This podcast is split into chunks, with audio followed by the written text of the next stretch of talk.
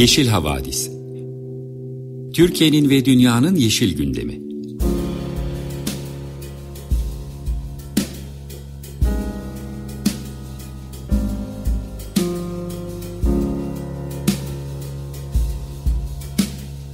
Hazırlayan ve sunanlar Selin Uğurtaş ve Arca Yılmaz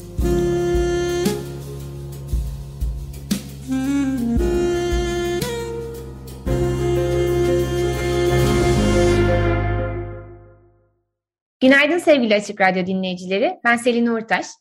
Arca Yılmaz ile birlikte sunduğumuz ekolojik, politik, katılımcı ve şenlikli Yeşil Havadis programına hoş geldiniz. Geride bıraktığımız haftayı Yeşil Gazete'nin perspektifinden değerlendireceğimiz bu programı Yeşil Gazete ekibiyle birlikte hazırlıyoruz. Sizlerle buluşmamızı mümkün kılan Açık Radyo destekçilerine de bu vesileyle teşekkür ederiz.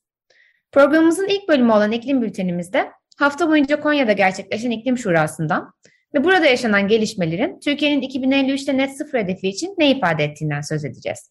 Bu haftaki röportajımız da bu konu üzerine olacak. Sürdürülebilir Ekonomi ve Finans Araştırmaları Derneği kurucu direktörü Bengüsü Özenç ile Şura'ya dair izlenimlerini ve toplantının sonuç bildirgesini ne şekilde değerlendirdiğini konuştuk. İklim gündemimizde ayrıca metan emisyonları, devam eden doğalgaz boru hattı yatırımları ve nükleer santral projeleri var. Ayrıca ise ekoloji bülteninde ülkenin dört bir yanında devam eden ekoloji direnişlerinden söz edecek. Ayrıca Kanal İstanbul güzergahında kurulması planlanan organize sanayi bölgesinden, Marmara Denizi'nde maalesef yeniden görülen müsilajdan ve denizi kaplayan balçık tabakasından bahsedecek. Bizler ne kadar bugün de iklim ve ekoloji konuşacak olsak da Rusya'nın Ukrayna'yı işgali nedeniyle yanı başımızda patlak veren korkunç savaş nedeniyle oldukça üzgünüz. Aklımız ve kalbimiz Ukrayna halkı ile birlikte Bugün de seçtiğimiz şarkılarla savaşa hayır demeye çalışacağız. Öncelikle John Lennon'dan Imagine'ı dinliyoruz. Ardından iklim bülteniyle Yeşil Havadis'e başlayacağız. Tekrar merhaba. 95.0 Açık Radyo'dasınız. Ben Selin. Yeşil Havadis'e iklim bülteniyle başlıyoruz. Aslında iklim ana başlığında bu haftanın en önemli gündem maddesi hafta boyunca devam eden iklim şurasıydı diyebiliriz. Ancak röportajımız da bu konu üzerine olacağı için şuradan en son bahsedeceğim. İlk olarak Uluslararası Enerji Ajansı'nın metan emisyonları üzerine açıklamalarına bakalım. Ajansın küresel metan takipçisi verilerine göre enerji sektörü kaynaklı küresel metan emisyonları resmi rakamlardan tamı tamına %70 daha yüksek seviyede. Bu oldukça çarpıcı ve endişe verici bir bilgi. Metan emisyonları çünkü oldukça önemli. Bir metan molekülünün ısıyı tutma etkisi bir karbondioksit molekülünden 25 kat daha fazla. Dolayısıyla oldukça tehlikeli bir sera gazından bahsediyoruz. Bununla birlikte karbondioksitten daha kısa ömürlü ve daha hızlı dağılıyor. Her halükarda sanayi devriminden bu yana gözlenen küresel sıcaklık artışının %30'unun metan kaynaklı olduğu hesaplanıyor. Yani metan, karbondioksitin ardından ısınmanın en önemli sorumlusu. Uluslararası Enerji Ajansı'na göre metan emisyonlarının %40'ı enerji sektörü kaynaklı. Üstelik bu sektörün gerçek metan emisyonları rapor edilenden tam %70 daha fazla. Bu emisyonların bir önceki yıla göre %5 artarak 135 milyon tona ulaştığı belirtilmiş. Verilere ülke bazında bakacak olursak en çok metan emisyonuna yol açan Çin'i, Rusya ve Amerika Birleşik Devletleri takip ediyor. Norveç'in performansından ise övgüyle söz edilmiş. Eğer petrol ve doğalgaz üreten tüm ülkeler süreçlerini Norveç gibi mükemmelleştirirse küresel metan emisyonları %90 azalır diye hesaplanmış. Özellikle doğalgaz boru hatlarındaki sızıntıların önlenmesi, bu görevin de şirketlere yüklenilerek halledilmesi metan emisyonlarında önemli azaltma sağlayabilecek nispeten kolay bir yöntem olarak görülüyor.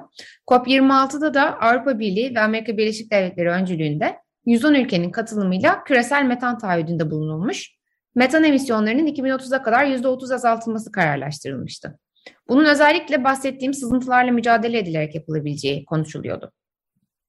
Bu meseleyle ilgili Uluslararası Enerji Ajansı Başkanı Fatih Birol da bir açıklama yapmış ve metan taahhüdünün bir dönüm noktası olması gerekirdi demiş. E, bir de emisyonların ölçümü ve raporlanmasında daha fazla şeffaflık çağrısında bulunmuş. Bir başka rapor ise Global Energy Monitor yani küresel enerji takipçisi tarafından paylaşıldı. Buna göre doğal gaz projeleri 480 milyar dolar değerinde atıl varlık riski yaratıyor. Şöyle ki e, iklim hedeflerine rağmen Çin, Hindistan, Rusya, Avustralya ve Amerika Birleşik Devletleri'nin başını çektiği ülkeler 2022 yılında on binlerce kilometre uzunluğunda boru hattını hayata geçirmeyi planlıyorlar. Küresel ölçekte inşa edilmekte olan boru hatlarının uzunluğu 70.900 kilometre olarak hesaplanmış. İnşaat aşamasına geçmemiş 122.500 kilometrelik hatlar ise henüz proje aşamasında. Bu projelerin toplam maliyeti 485 milyar dolar olarak hesaplanmış. Bu, projeler, bu projelerde öncü rol Çin'in. E, Çin'de yeni kurulan Pipe China Holding, Gazprom'dan sonra dünyanın en büyük ikinci doğalgaz boru hattı geliştiricisi konumuna gelmiş durumda. E, bu araştırmada çalışan Baird Langenbrunner da, e, umarım adını doğru telaffuz ettim ama büyük ihtimalle etmedim. 2021'de doğalgaz boru hattı inşaatında yaşanan yavaşlığın iklim hedefleriyle değil, salgınla ilgili olduğunu vurgulamış. Şöyle de bir uyarıda bulunuyor. Geleceğe baktığımızda planlama aşamasındaki yaklaşık yarım trilyon dolarlık doğalgaz boru hattı projesi, dünya yenilenebilir kaynaklara geçtiğinde atıl varlık haline geleceğinden ekonomik olarak hiçbir anlam ifade etmiyor. E, iki gün sonra pazartesi günü bu konuda çok önemli bir rapor açıklanacak. Bu konu derken aslında sadece metan ve doğalgaz değil genel olarak iklim için ve iklimle ilgilenenler biraz nefeslerini tutmuş durumda diyebilirim. Hükümetler Arası İklim Değişikliği Paneli yani IPCC dört kısımdan oluşan 6. değerlendirme raporunun ikinci kısmını yayınlayacak. Bu rapor iklim etkileri üzerine 2014'ten bu yana yayınlanacak en kapsamlı bilimsel rapor olacak.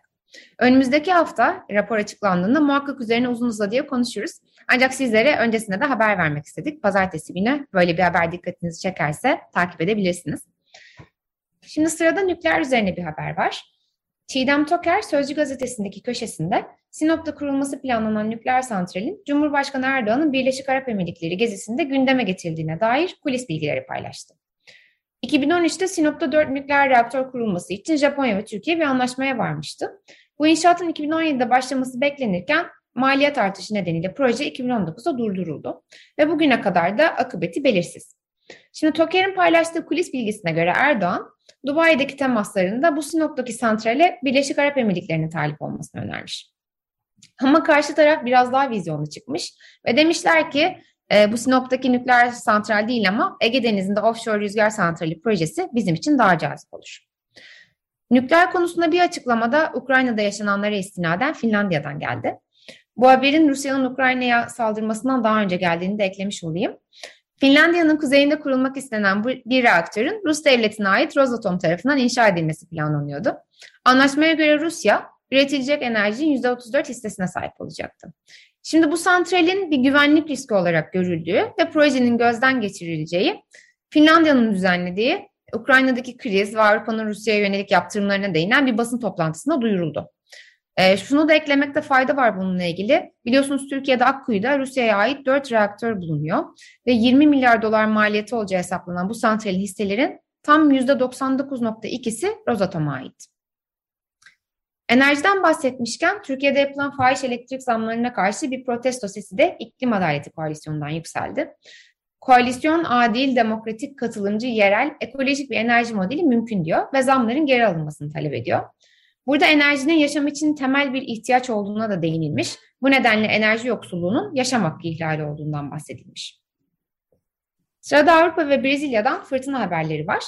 E, maalesef Türkiye'de devam eden bir yaklaşım var. İşte çevreden, iklim krizinden bahsederken bunlar önemsiz konularmış. Ülkenin gündemi bunca önemli meselelerle meşgulken iklimden bahsetmek lüksmüş gibi bir algıya sık sık tanık oluyorum. Maalesef böyle bir mesele ki etkileri bizi vurduğunda artık bir şey yapmak için çok geç oluyor. Aslında bunu yazın hatırlamıştık ama birkaç ayda bile unutuverdik. Ancak Avrupa'nın unutmasını engelleyen bazı olaylar üst üste yaşanıyor bu günlerde. Öncelikle kıtada birçok ülkeyi etkileyen Yunus fırtınası nedeniyle en az 16 kişinin hayatını kaybettiği duyurulmuştu. Polonya'da itfaiye teşkilatının 23.500 olaya müdahale ettiği 1.4 milyon evin elektriksiz kaldığı belirtilmişti. Henüz bu fırtınanın etkisi geçmeden Franklin fırtınası kıtayı vurdu. Franklin İngiltere ve İrlanda'yı şiddetli yağmur ve kuvvetli rüzgarlarla vuruyor. Bu fırtınalar konusunda görüş bildiren bilim insanları her zaman olduğu gibi iklim nedeniyle daha da yıkıcı fırtınalar göreceğimiz konusunda uyarıda bulunuyorlar. Bir de Brezilya'dan bir güncelleme paylaşalım. Anımsarsınız yaklaşık 10 gün önce Brezilya'nın dağlık Petropolis kentinde korkunç bir sel ve toprak kayması felaketi yaşanmıştı. Bu felakette hayatını kaybedenlerin sayısı 204'e yükseldi. 51 kişi hakkında ise kayıp, bildirimi yapıldı. Eyalet valisi Claudia Castro'nun açıklamasına göre 15 Şubat'ta yaşanan yağışlar şehrin 1932'den bu yana maruz kaldığı en şiddetli yağış. Evet, böylelikle bültenimizin sonuna yavaş yavaş geliyoruz ama iklim şurasına geçmeden Japonya'dan hoş bir haber verelim. Japonya sıfır karbondioksit emisyonu yapan, hidrojenle çalışan ilk treninin tanıtımını yaptı. East Japan Railway, Toyota ve Hitachi işbirliğiyle yürütülen tren, çatısındaki tanklarda muhafaza edilen hidrojenin havadaki oksijenle reaksiyona girmesi sonucunda elektrik üretiyor. Bu trenin 2030'da piyasaya sürülmesi hedefleniyor. Evet, gelelim iklim şurasına. Türkiye'yi 2053 net sıfır emisyon hedefine ulaştıracak yol haritasını belirlemek ve hazırlanacak iklim kanununun altyapısını tasarlamak gibi amaçlar olan iklim şurası pazartesi günü Konya'da başladı, cuma günü de sona erdi. Şurada tartışılacak konular arasında sera gazı azaltımında yeşil finansman ve karbon fiyatlama, iklim değişikliğine uyum, yerel yönetimlerin rolü, göç, adil geçiş ve sosyal politikalar, bilim ve teknoloji gibi başlıklar vardı. Açılıştaki gençlik oturumunda konuşan Çevre, Şehircilik ve İklim Değişikliği Bakanı Murat Kurum, bir buçuk derece hedefi için küresel emisyonların 2030'da %45 azaltılması, 2050'de ise net sıfıra ulaşması gerektiğini hatırlattı. Ee, ben kendi adıma bakanın bu hatırlatmayı bize yapmasını biraz tuhaf buldum. Aslında bizim onu hatırlatmamız gereken bir şey veya hatırlıyorsa neden bir şey yapmıyor diye de düşünüyor insan. Ve ne yapmasını istediğimiz aslında epey açık. İklim ve çevre üzerine çalışan kurumların temsilcileri bu talepleri 10 madde halinde şura başlamadan önce sunmuştu. Bu, e, bu taleplerin en başında da yeni kömürlü termik santral kurulmaması, kömür madeni açma ve maden genişletme faaliyetlerinin bundan sonra yapılmaması, fosil yakıt teşviklerinin son bulması, 2030'a kadar kömürden çıkış ve yine 2030'a kadar elektrik üretiminde yenilenebilir enerji kaynakların payının en az %75'e çıkarılması gibi maddeler bulunuyordu. Şura akabinde İstanbul Politikalar Merkezi, İktisadi Kalkınma Vakfı ve Türkiye Ekonomi Politikaları Vakfı da ortak bir açıklama yaptı ve en geç 2035'e kadar kömürden kademeli çıkış çağrısında bulundular. Zaten İstanbul Politikalar Merkezi daha bu haftanın başında 2050'de net sıfır başlıklı bir rapor yayınlamış. Türkiye'nin önümüzdeki 30 yılda büyük ölçüde karbonsuzlaşmasının mümkün olduğunu ortaya koymuştu. Raporda orta ve uzun vade için net ve ölçülebilir hedefler konmasının önemi vurgulanmıştı. Bunlar arasında elektrik sektöründen kaynaklanan emisyonların 2030'da yarıya indirilmesi, enerji üretiminde kömürün 2035'te tamamen terk edilmesi, elektrik üretiminde yenilenebilir enerjinin payının 2030'da %50'ye çıkarılması gibi net hedefler örnek olarak gösterilmişti. İklim için Gençlik Türkiye'de yine şura öncesinde Change.org'da bir imza kampanyası başlatmış. Türkiye en geç 2030'da kömürden çıksın demişti. Onlar da şura boyunca taleplerini yinelediler. Dolayısıyla şuranın nihai belgesinde bu gibi elde tutulur hedeflerin dahil edilip edilmemesi, özellikle de bunca çağrıdan sonra Ankara'nın tutumunu yansıtması açısından önemli. Şurada ne olup bittiğini Sürdürülebilir Ekonomi ve Finans Araştırmaları Derneği kurucu direktörü Bengisu Özenç ile konuştuk. Şimdi kısa bir müzik arası veriyoruz. Ardından röportajımızda karşınızda olacağız. Boris Vian'dan La Desertör'ü dinliyoruz. Merhaba, 95.0 Açık Radyo'da Yeşil Havadisi dinliyorsunuz. Ben Selin. İklim bültenimizin ardından haftanın röportajıyla karşınızdayız. Bültenimizde de bahsettiğimiz gibi bu haftanın önemli gündem maddelerinden biri pazartesiden cumaya Konya'da düzenlenen iklim şurasıydı. Şura öncesinde iklim ve çevre üzerinde çalışan sivil toplum kuruluşları kömürden çıkış tarihi açıklanması başta olmak üzere iklim kriziyle mücadelede elle tutulur hedefler belirlenmesi yönünde taleplerini dile getirdiler. Biz bu röportajı cuma günü öğlen saatlerinde iklim şurasının hemen akabinde yapıyoruz.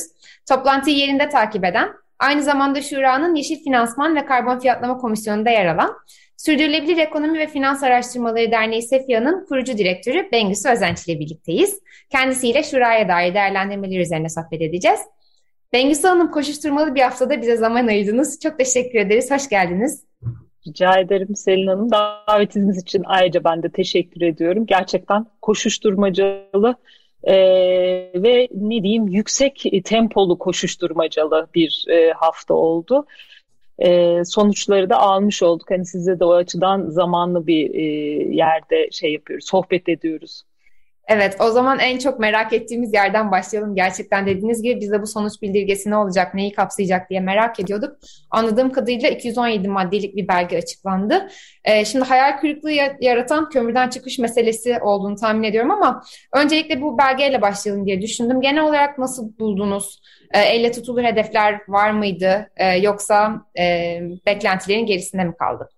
Nasıl değerlendiriyorsunuz? Şöyle aslında yani e, şurasından değerlendirmek lazım herhalde. İklim Şurası dediğimizde e, zaten iklim şurasının ilk tanıtıldığı haliyle Türkiye'nin iklim politikalarını, uzun dönemli iklim politikalarına yön vermesini beklediğimiz bir e, usuldü aslında bu şura. Hani daha e, ana e, e noktaları belirleyen, ana doğrultuyu belirleyen bir ilkeler bütünü e, bekliyorduk biz bu e, çalışmadan, şura sürecinden. E, burada da şimdi iklim dediğinizde, iklim politikaları dediğinizde ilk öncelikli e, konu emisyonların azaltım konusu. Emisyonların azaltımında özellikle enerji kaynaklı emisyonlar ve burada da elektrik sektörü kaynaklı emisyonlar öncelikli halde elbette. E, biliyorsunuz konuşuyoruz. İklim STK'larının da başta olmak üzere talep ettiği bu kömürden çıkış konusu. Ee, onun için e, hani odağı aslında iklim şurasının odağını azaltım komisyonundan çıkan kararlar oluşturuyor. Ee, ki hani ben sonrasında da biraz değinirim. Diğer komisyonların konuları da e, azaltım komisyonunda çıkacak e, kararlarla çok bağlantılı elbette. Örneğin bir e, göç komisyonu, iklim göçü ve e, adil dönüşüm ve diğer sosyal politikaların ele alındığı bir e, komisyon vardı. O oldukça alakalı. Hani doğrudan aslında bir dönüşümü öngörüyorsak o dönüşümün adil olmasıyla alakalı bir komisyondu. Ee, ama e, yani hani o hayal kırıklığına ayrıca e, geliriz. E, yani burada alınan kararların hani bir takım tabii uzun vadeli işte teknolojik dönüşümler üzerinden e, konuşulduğu bir takım kararların olduğunu görüyoruz ama bugüne dair e, bugün yapılması e, gerekenlere ve orada da tabii bazı cesur adımların atılması gerekiyor. Çok da fazla dokunmadığını görüyoruz. Hani genel olarak e, değerlendirmem o yönde. Çok teşekkürler. O zaman ben bir an önce hayal kırıklığı meselesine gireyim. Ee, sizin direktörü olduğunuz Sefiya'nın da aralarında bulunduğu iklim ve çevre üzerine çalışan 8 kurum Şura'dan beklentilerini 10 madde halinde açıklamıştı. İlk sırada da kömürden çıkış yer alıyordu. E, benzer çağrılar İstanbul Politikalar Merkezi İktisadi Kalkınma Vakfı TEPAV'dan da geldi. İklim için Gençlik Türkiye'de bu yönde bir imza kampanyası başlatmıştı. E, ama böyle bir taahhüt alamadık. E, bu konuda adım atılmamasını 2053 hedefleri açısından nasıl görüyorsunuz? Şöyle diyeyim aslında şura toplantılarının başladığı ilk gün gençlere de söz verildi ve gençler bir e, çağrıyla çıktılar. Pek çok farklı alanda e, taleplerini dile getirdiler. Bu taleplerden bir tanesi de e, kömürden çıkış e, konusundaydı ve e, e, Bakan Bey o konuşmanın ardından e, konuşma şey yaparken e, topluluğa hitap ederken hani bizim geçtiğimizi ama gençlerin kalacağını, bu şuranın onlara dair olduğunu ve onlar için bir takım kararlar alacağını söylemişti. E, günün sonunda geldiğimiz noktada aslında gençlerin taleplerinde dinlenmediğini anlıyoruz. E, çünkü kömürle ilgili alınan kararın e, hiç karar alınmadığı gibi e, hani şey bir hayal kırıklığı olabilirdi. Kömürün kullanımının azaltılması bile bir hayal kırıklığı olacakken o yönde bile bir karar alınmadı. Karbon yakalama teknolojileriyle birlikte kömürün kullanılacağı, kullanımına devam edileceğine dair bir ifade yer alıyor şimdi mevcut karar metninde. E, şimdi 2053 hedefi e, 2053'te net sıfır olma hedefi insan kaynaklı emisyonların e, yutak alanlar hani doğal ve teknolojik yutak alanlarla eşitlenmesi anlamına geliyor. Ve aradaki fark çok büyük aslında. Yani onun için de on, onu demeye çalışıyorum. Ciddi hedefler alınmadan, zor kararlar alınmadan 2053 net sıfır hedefi e, yakalanması mümkün değil. Yani burada alınan kararlar aslında bizim 2053 hedefinde de ciddi olmadığımız anlamına geliyor. Ee, burada şimdi şöyle de bir şey var. Elektrik sektörünü tabii çokça konuşuyoruz. Yani elektrik arzında kömürden çıkışı çokça konuşuyoruz. Ama e, diğer sektörlerdeki emisyon azaltımı, sanayi sektörlerindeki emisyon azaltımı ya, ya da ulaştırmadaki e, çoğunlukla elektrik kullanımını arttırmaya yönelik. Yani elektrifikasyonun artışına yönelik. Elektrifikasyonun artışı ne demek? Daha fazla elektrik talebi. Siz bu elektrik talebini hala kömürle karşılıyorsanız aslında emisyonların da artmaya devam etmesi demek. Yani o açıdan e, gerçekten de 2053 e, hedefini hani gölgeye düşürmüş e, bir şura çıktısı olarak yorumlamak mümkün kömür kararını. Evet, bende de bu 2053 tarihi hep zaten uzak bir tarih olduğu için sanki siyasetçiler için e, o zaman kim başta olursa o düşünsün e, hissi varmış gibi düşündürüyor beni. E, biz burada sizin parçası olduğunuz karbon fiyatlama, yeşil finansman üzerine çalışma grubu üzerine de bir soru sormak istiyorum. E, çünkü aslında fosil yakıtlardan çıkışı ve yenilenebilir enerjiye geçişi hızlandırmak için bu komisyonun çalışmaları da önemliydi. Buradan e, herhangi bir e, önemli çıkı, çıkış oldu mu? Çıktı oldu mu? Yani komisyon e, sürecinde aslında kömürden çıkış, yani doğrudan bu komisyonun e, konusu olmasa da e, konuşuldu. Neden konuşuldu? Aslında biz bu komisyon içerisinde işte bir karbon fiyatlama konusunu ele aldığımız için özel sektörün e, karşılaşması muhtemel bir karbon fiyatı ki en yakın zamanda aslında e, AB Yeşil Mutabakatı içerisinde tarif edilen e, sınırda karbon düzenleme mekanizmasıyla ortaya çıkacak e, gibi görünüyor. E, buna bir karşı e, hamle olarak biz emisyon ticaret sistemini en kısa zamanda e, devreye almak üzere bir takım e, kararlarda e, kararları yazdık. E, şimdi bu kararları yazarken de özel sektörün tabii e, üzerinde ciddi bir e, karbon fiyatı e, maliyetinin oluşmasına yönelik beklentiler var. Öyle ya da böyle ve bu karbon fiyatının aslında iç, içselleştirildiğini de görüyoruz. Yani herkes e, reel sektörde bu fiyatta bir noktada karşılaşacak. Ne noktada ve ne şartlarda olacağını elbette hani önümüzdeki dönemde göreceğiz ama o tarafta konuşulan konulardan bir tanesi elektrik arzında kömürden çıkılmaması durumunda bu maliyetin katlanarak artacağı.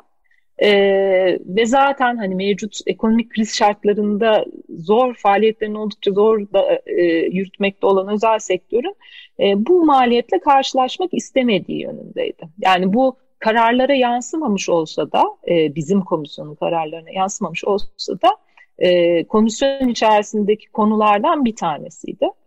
E, oradan bakacak olursanız e, bu şura sürecinin işte komisyonlar arası etkileşiminin e, ne kadar önemli olduğunu görüyorsunuz aslında. Yani bir tarafta bunu talep eden, e, sizin söylediğiniz gibi işte e, düşünce kuruluşlarının da açıkladığı ki içinde özel sektör e, büyük temsil eden bir e, düşünce kuruluşunda var olduğu bir çağrı da e, aslında özel sektör taraflarının da şey e, bu konudaki düşüncelerinin çok e, şeye alınmadığı, e, konu edilmediğini söylemek mümkün. Ama yani hani şunu not düşmek lazım. Yani iklim politikası dediğiniz şey artık tek başına bir iklim politikası, iklim hedefini yakalama doğrultusunda bir politika değil.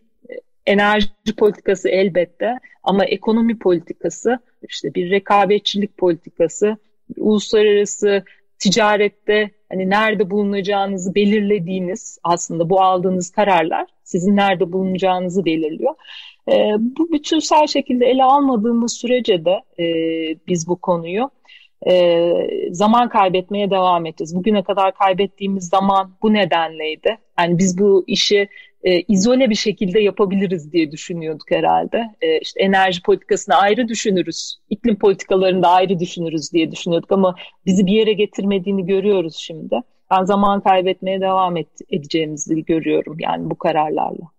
Engin Hanım çok teşekkürler. Bu özel sektörün özellikle yeşil mutabakatla birlikte konuyu daha da ciddiyetle ele aldığını vurgulamak da bence de çok önemliydi. Burada bir de şeye e, öğrenmek istiyorum sizden. Yenilenebilir sektörünün e, bakış açısıyla ilgili bir şeyler söyleyebilir misiniz? E, çünkü bu geçiş tabii bir yandan kömürden çıkışı bir yandan da yenilenebilir enerjinin ciddiyetle teşvik edilmesini de gerektiriyor.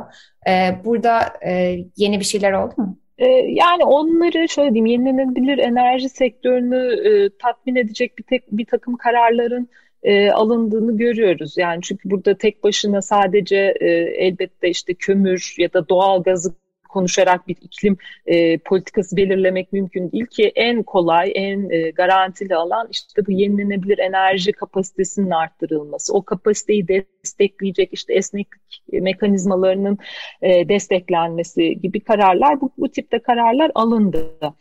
Ee, ama dediğim gibi yani bu bir iklim politikasının bir parçası olarak tek başına yenilenebilir enerji ka, ka, enerjiyi e, arttırmaya yönelik o kapasiteyi arttırmaya yönelik kararların alınmasının bizi bir yere taşıyacağını düşünemeyiz. E, onun için de e, açıkçası hani yenilenebilir enerji e, sektörünün ve yenilenebilir enerji sektörünü temsil eden STK'ların da aslında iklim politikasında e, daha aktif rol alması gerektiğini düşünüyorum. Yani ne demeye çalışıyorum burada? Elbette onlar adına olumlu kararlar alınmış olabilir. Ama zaten onların daha da fazla kapasiteye erişebilmeleri için e, işte kömürden, doğal gazdan yani fosil yakıtlardan çıkılması gerekiyor. Bu iş bir bütün. Tek başına yenilenebilir arttırmak mümkün değil.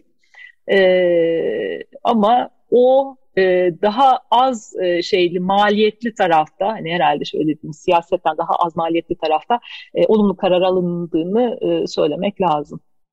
Yani fosil yakıt konusundan kaçarak e, başka konularda e, bu konuyu çözmek mümkün değil demek doğru olur sanırım. Evet. E, şey, e, Bengisu Hanım bir de bu konu, e, şura ile ilgili çok tartışılan bir boyutu da e, bazı sivil toplum kuruluşlarının e, toplantıya davet edilmemesiydi. E, resmi ağızlardan hep toplantının ne kadar kapsayıcı olduğundan, herkesin sözünün dinlendiğinden bahsedildi ama aslında bunun böyle olmadığını biliyoruz. E, bu konuyla ilgili ne düşünüyorsunuz? Öyle aslında şura süreci online başladı. Komisyon toplantıları Aralık ayında online olarak başladı. E, online olarak başlamasının bir avantajı aslında e, davetli ya da davetsiz e, herkesin e, toplantılara erişmesi ve fikrini söyleyebilmesiydi. E, bu anlamda orada e, özellikle hani aktif olarak katılan e, sivil toplum örgütlerinin e, önemli bir yer aldığını ve hazırlıklı bir şekilde yer aldıklarını yani sadece fikir beyan etmek değil fikir e, beyan ettikleri fikirlerini e, veri ve belgelerle e, kimsenin aslında orada sunabileceği yakın zamanda hazırlanmış e, verileri olmasa da STK'ların bu alandaki çalışmalarını e, sundukları ve onun üzerinden e, pozisyonlarını savundukları e, verimli toplantılar oldu açıkçası. Hani onu söyleyebilirim online toplantılarda. Ama ee, şöyle 21 Şubat'ta başlayan yüz yüze gerçekleştirilen e, komisyon toplantılarında tabii e, şey azaldı katılım yani çünkü sınırlı sayıda tuttular kişi sayısını. Komisyon toplantıları eş zamanlı olarak gerçekleştirildiği için farklı komisyonlarda bulunan e, STK'lar e, bütün komisyonlara katkı veremediler. Ee, ve orada hani e, komisyonda bulunan STK'ların e, ciddi bir hani savunma hattı oluşturabilecek bir e, şeyleri ol, olamadı. Ama yine de elbette çok fazla emek sarf edildi. Ee, orada da bu arada yani o sarf edilen emekte de yeniden şeyi e, söylemek isterim. Hani STK'ların e, hazırladıkları raporların, o raporların çıktılarının önemli bir rolü olduğunu e, tekrar söylemek isterim. Çünkü 2053 ya da işte 2050 net sıfır olma hedefine yönelik e, bir rapor yani bunun özellikle emisyon azaltımında yani azaltım komisyonunun konusu olan e, sektörlerde nasıl ele alınabileceğine ilişkin bir rapor, güncel bir rapor e, başka kaynaklarda yok. E, onun için çok değerliydi. Hem İPM'nin hem de diğer e, iklim STK'larının e, ortaklaşa çıkardığı iki raporunda çok e, ne kadar önemli olduğunu tekrar altını çizmek isterim. E, bir ama süreç şöyle şura sürecini hani söyleyecek olursam e, zorlu bir işte yüz yüze komisyon görüşmeleri komisyon görüşmelerinden çıkan kararların ki orada da gerçekten savunmak gerekli belirli noktaları e, yuvarlak masaya aktarıldı. Yuvarlak masalarda ise gerçekten de sivil toplumun bu sefer hiç olmadığı, daha üst düzey kamu ve özel sektör kurumlarının, kuruluşlarının olduğu e, yuvarlak masalar düzenlendi. O yuvarlak masalarda da şimdi hani şeyde görebildiğimiz kadarıyla, şuranın sonuç kararlarında görebildiğimiz kadarıyla komisyonlarda alınmamış kararların yani komisyonlardan yuvarlak masalara iletilmemiş kararların yuvarlak masadan şura sonuç raporuna, sonuç kararlarına eklendiğini görüyoruz ki usulen hani olmaması gereken katılımcılığı zedeleyen, bütün bu katılımcılık e, şeyinin e, ne gölge düşüren e, bir süreç olduğunu söyleyebilirim. Çok temel bir sorundan bahsettiniz aslında. Ee, böyle bir gelişmenin yaşanmış olması gerçekten e, pek demokratik de olmamış. Ee, size son olarak bu iklim kanunu meselesini sormak istiyorum. Çünkü Şura ile ilgili haberlerde hep öne çıktı. Bakanın da bu konuda çok açıklaması oldu. İklim kanununun neleri kapsayacağına dair bu toplantı sırasında bir fikir edinme şansınız oldu mu yoksa bu gizli bir mesele olmaya devam mı ediyor nispeten? Açıkçası tam bilemiyorum. Evet yani iklim kanununa ilişkin bir hazırlık çok daha öncesinden vardı. Ee, bu işte emisyon ticaret sistemine e, hazırlık için yapılan projede aslında bir e, e, taslak bir iklim kanunu çıkmıştı. Ee, ama e, bu iklim şurasının e, yeni hazırlanacak ki biliyorduk yani bir e, taslak üzerinde bakanlığın çalıştığını ama bizim erişimimiz yoktu. Hani onun için fikir beyan etme şansımız da olmadı. Ee, bu iklim şurasında e, ifade edilen kararların, çıkan kararların iklim kanununa yansıyacağı en, en başından beri söyleniyordu ki burada hükümetin hedefi de e, tahmin ettiğim kadarıyla Haziran'a kadar bir iklim kanunu çıkarmak, meclise getirmek e, yönünde.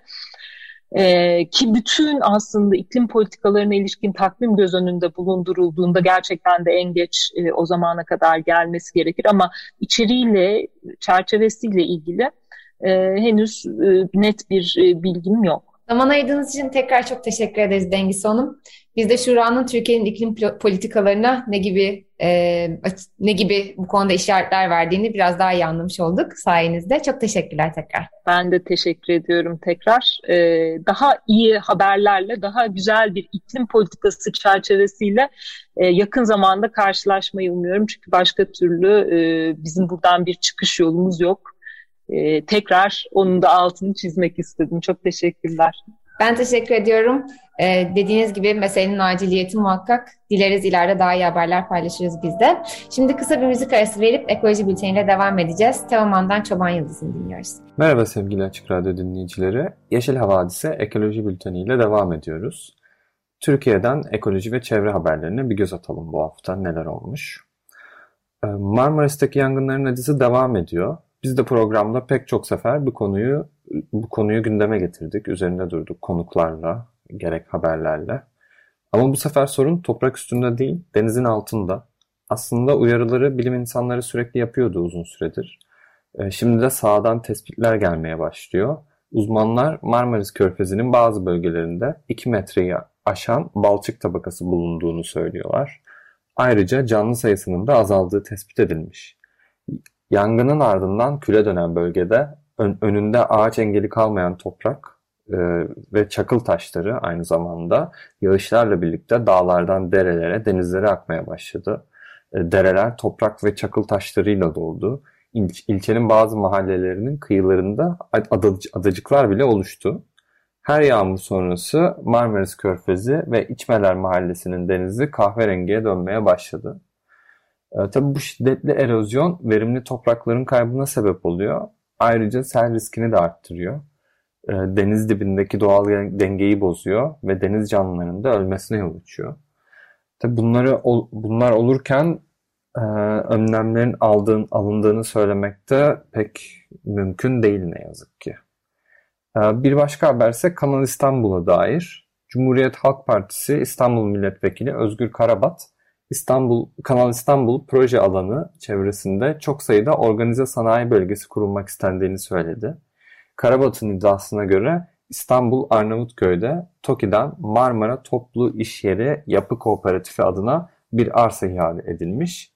Ayrıca bir diğer OSB projesinin de Avrasya İş Yeri Yapı Kooperatifi ve MÜSİAD ortak girişimiyle e, yürütüldüğünü söylüyor CHP milletvekili. Ee, Kanal İstanbul projesinin aslında bir imar ve şehircilik projesi olduğu pek çok kişi tarafından dile getiriliyordu. E, bu gibi örnekler de bu iddianın doğruluğunun bir kez daha altını çiziyor sanırım. Öyle diyebiliriz.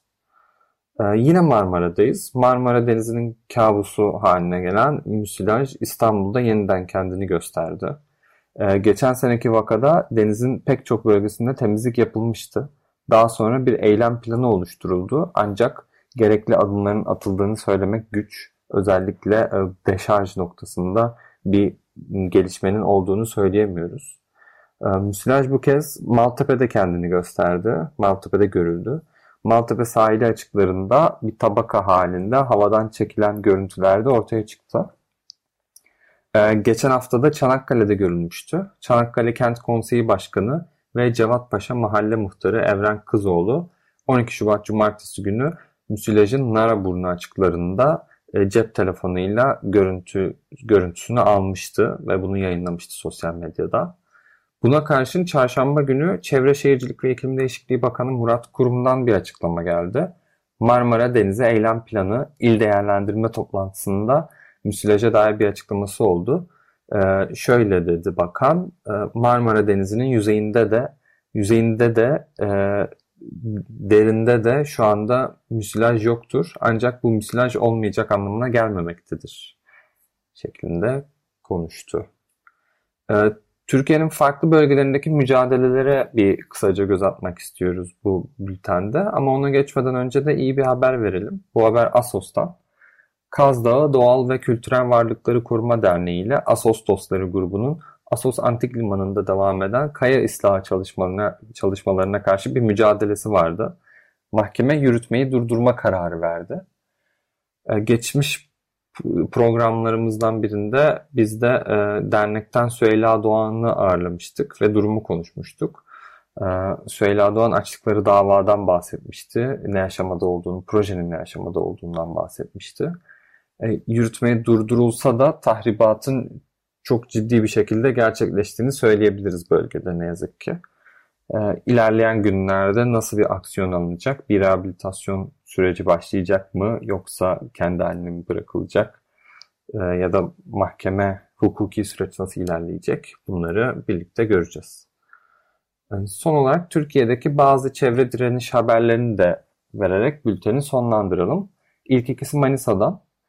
Büyükşehir Belediyesi tarafından Caferbey'de yapılmak istenen bir çöp tesisi var ve buna karşı yaşam alanlarını koruyan 3 vatandaş hakkında dava açıldı. Caferbeyliler söz konusu çöp tesisine hem mera alanlarını etkileyeceği hem de sularını kirleteceği nedeniyle uzun süredir karşı çıkıyorlar. Bu davada bu direnişe karşı açılmış gibi görünüyor. Biraz daha e, insanları vazgeçirmek için açılmış gibi görünüyor. Başka bir haber ise Marmara Gölü'nden yine Manisa'da. Yanlış tarım ve su politikaları gölü tamamen kurutmuş durumda. Hatta balıkçılıkla uğraşan aileler bölgeden göç, göç etmeye başladı. Ee, bölge halkının ve doğa savunucularının talebi ise göle su bırakılması. Çünkü göle gelen Gördes e, deresine bir baraj kuruldu ve yakındaki regülatör, regülatörlerden de göle su sağlanmıyor. Bursa Uludağ'da ise turizm planlarına karşı bir tepki var. Uludağ Milli Parkı yeni bir kanun tasarısıyla Turizm Bakanlığı'na devredilmek isteniyor.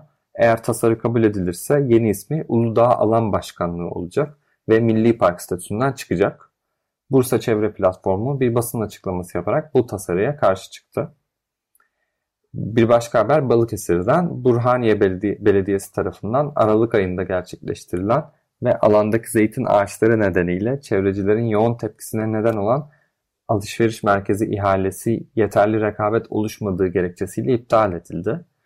Belediye Başkanı ve İbrahim Tatlıses'in fotoğrafları tepki çekmişti. E, Tatlıses ihaleyi alan firma adına imza atmıştı bu e, fotoğrafları vermişti. Belediye yeni bir yer seçimi yapacağını açıkladı. Onu da belirtmiş olalım. Yani AVM bir şekilde yapılacak gibi görünüyor bölgede. Kayseri'nin Sarıoğlan ilçesine bağlı Burunören köyünde yarım yüzyıldan daha uzun süredir var olan kum ocakları çevrede toz bulutuna neden oluyor ve köylüler için de bölgeyi yaşanmaz bir hale getiriyor. getiriyor. Burada da uzun süredir devam eden bir mücadele var. Söz konusu ocaklar alanın ekolojik yapısına, bitki örtüsüne, tarıma ve insan sağlığına tehdit oluşturuyor. Ve burada mücadele eden insanlara da e, şirketler tarafından, bu kum ocaklarını işleten şirketler tarafından e, tehditler e, yöneltildiği söyleniyor. Son olarak Kızıl, Kızılırmak Deltası'nda e, Deltası'na gidiyoruz. Bu bölgeye ziyarete gelenler için Büyükşehir Belediyesi tarafından bir butik otel planı var. Belediye başkanı artan talepten ötürü bir ihtiyaç olduğunu savunuyor. Çevre Mühendisleri Odası ise e, böyle bir otelin ilçe merkezine ya da delta sınırları dışına yapılması gerektiğini savunuyor. Bu yani enteresan biraz çünkü hani ben de bu bölgede bulunmuştum. E, geçtiğimiz 29 Ekim'de kuş gözlemi için bölgeye gitmiştik. Ve Delta içinde restoran var bir tane ve restoranın yanında bulunan bungalovlarda kalmıştık ve kimse yoktu. Hani akşamları bölgeyi kapatıyorlardı tamamen. Tatil zamanı boş olan bir tesis aslında orada var.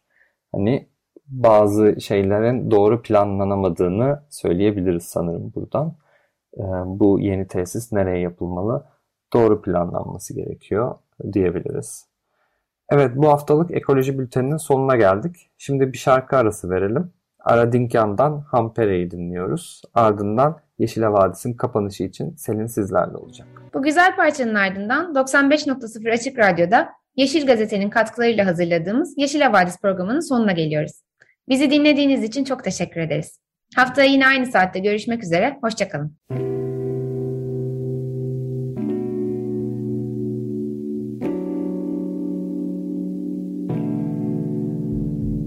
Yeşil Havadis Türkiye'nin ve dünyanın yeşil gündemi